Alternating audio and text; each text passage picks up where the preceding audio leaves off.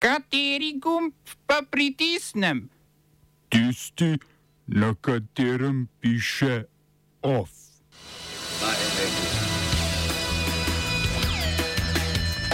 Svet EU potrdil vstop Hrvaške v Schengen, zavrnil pa Bolgarijo in Romunijo. Kosovska vlada napotila policijske specialce na sever Kosovske Mitrovice. Fides za januar napovedal začetek zdravniške stavke. V kulturnih novicah ne le muza in meduza, feministično prisvajanje mitov.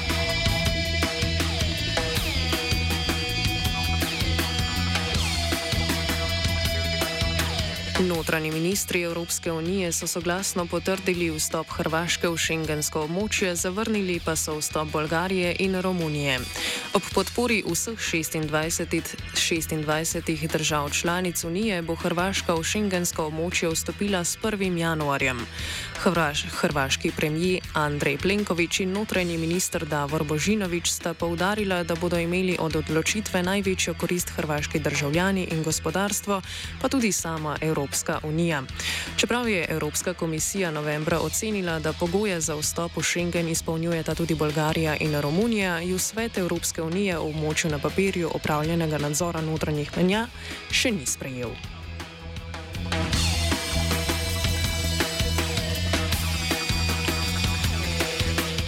Vstop je zaradi neregularnih prehodov meje, katerih število se bo po prepričanju avstrijske vlade z vstopom vzhodno-balkanskih članic povečalo, obema državama blokirala Avstrija. Bolgariji pa z očitki o korupciji in organiziranem kriminalu še nizozemska.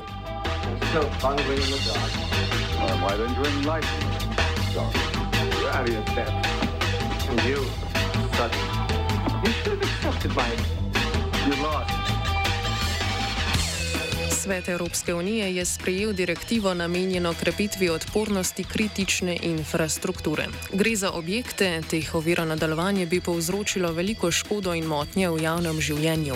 Mednje sodijo denimo bančni, elektroenergetski in transportni sistemi. Po direktivi bodo morale države imeti pripravljene nacionalne strategije za krepitev odpornosti kritične infrastrukture in izvajati oceno tveganja najmanj vsaka štiri leta.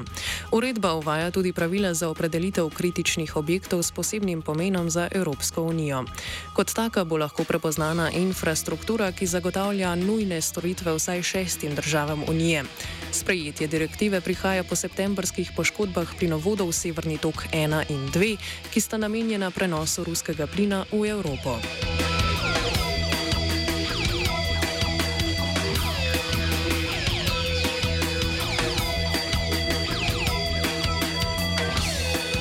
Uradna Priština je za zagotavljanje varnosti v etnično mešanih predeljih mesta Kosovske Mitrovice poslala okoli 300 pripadnikov posebnih policijskih enot. Iz Beograda so v odgovor napovedali, da bodo razmislili o napotitvi do tisoč pripadnikov srpskih varnostnih sil na to območje. Kot trdijo, to srpski vladi dovoljuje resolucija Varnostnega sveta Združenih narodov. Kosovska policija je sporočila, da je svoje pripadnike zlasti na sever Kosovske Mitrovice napotila potem, ko se je več lokalnih Albancev pritožilo, da se tam ne počutijo varno.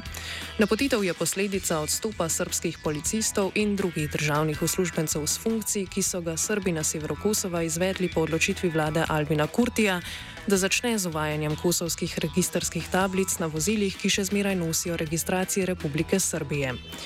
Vodja srpskega vladnega urada za Kosovo in Metohijo Petr Petkovič sta albanskega premijeja Albina Kurtija obtožila protizakonitih in nasilnih operacij, katerih cilj je okupacija severa Kosova.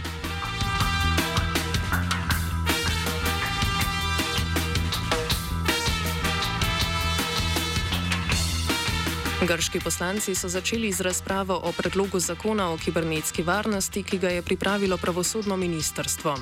Po izbruhu prisluškovalne afere s programsko opremo Predator avgusta letos se je vlada Kirjakosa Micotakisa odločila reformirati zakonodajo. Vlada je po razkritjih več preiskovalnih medijev prisluškovala novinarjem, opoziciji in lastnim ministrom. Podporo zakonski noveli so za zdaj izrazili samo vladajoči novi demokraciji, medtem ko ji vse opozicijske stranke, razen skrajno desne grške rešitve, nasprotujejo.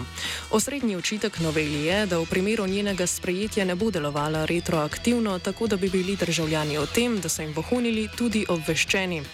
Vlada je lani zakon že spremenila in onemogočila posameznikom, ki jim vlada prisluškuje, pridobitev informacij o tem. Z novo reformo zakona bi vlada sicer pridobivanje informacij prisluškovalnim posameznikom omogočila, a tri leta po zaključenem prisluškovanju. Prav tako pa prisluškovana oseba ne bo imela dostopa do vsebine prisluhov.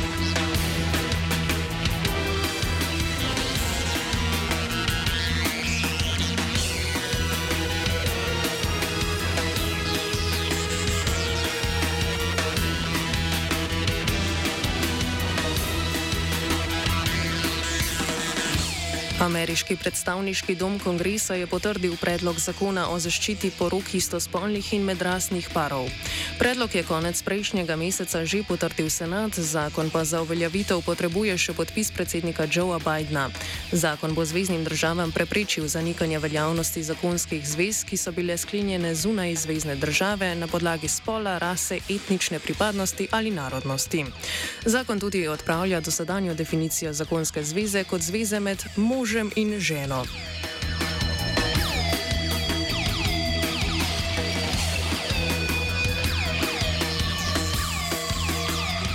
Južnokorejski tovornjakarji so po dveh tednih stavke za trajno uveljavitev sistema minimalne tovorniške postavke izglasovali njen konec in vrnitev na delo. Kljub temu, da vlada delovskim zahtevam ni zadostila, se je za zaključek stavke odločilo 62 odstotkov članov sindikatov. Južnokorejski predsednik Jun Suk Jol je stavkajoče voznike obtožil oviranja dobave dobrin in povzročene finančne izgube sredi že tako težkih gospodarskih razmer.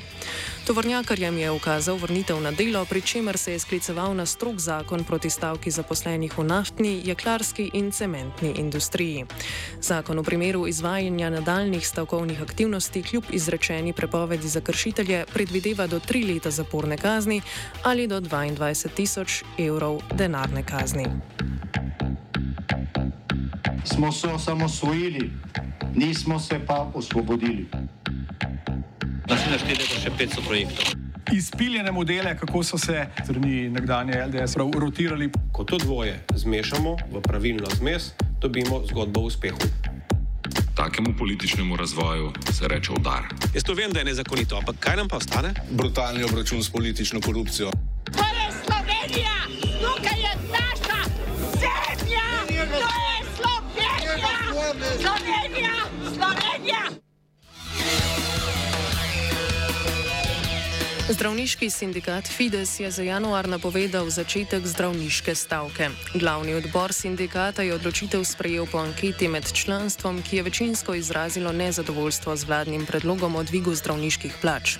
Ta po oceni Fidesa povzroča plačna nesorazmerja. Ministrica za javno upravo Sanja Ajanovič Hovnik je v odzivu na napoved stavke dejala, da se sproža vprašanje, citiramo, ali je nek del poklicne skupine morda izgubil stik z realnostjo ali razmerami v državi.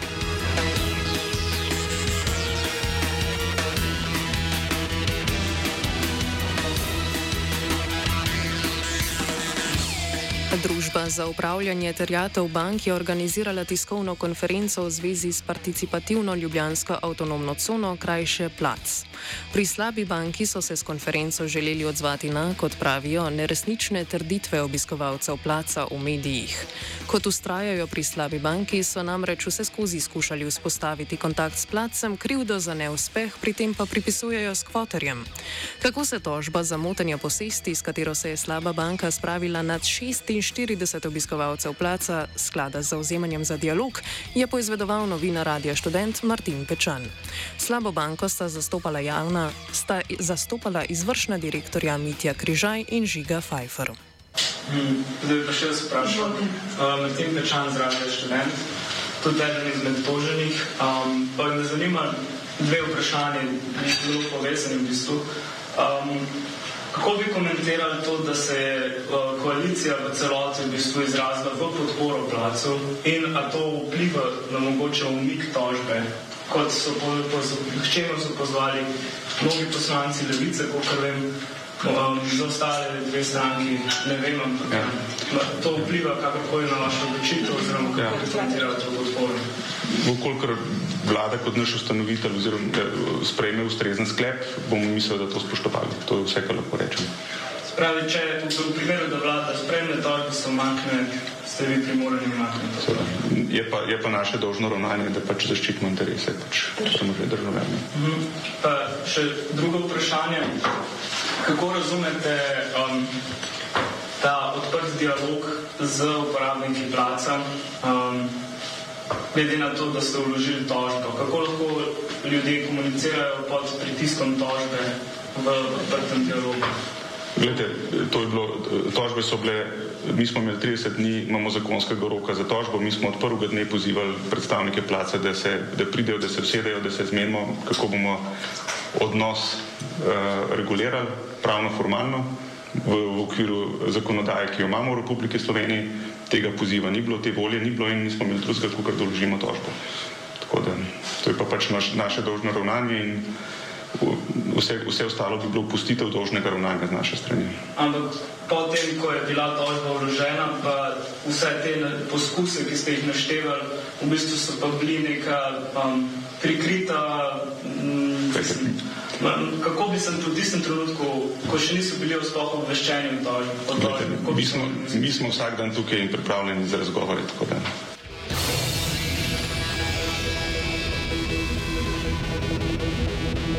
OF je pripravila vajenka Lara, mentoriral je Fabian.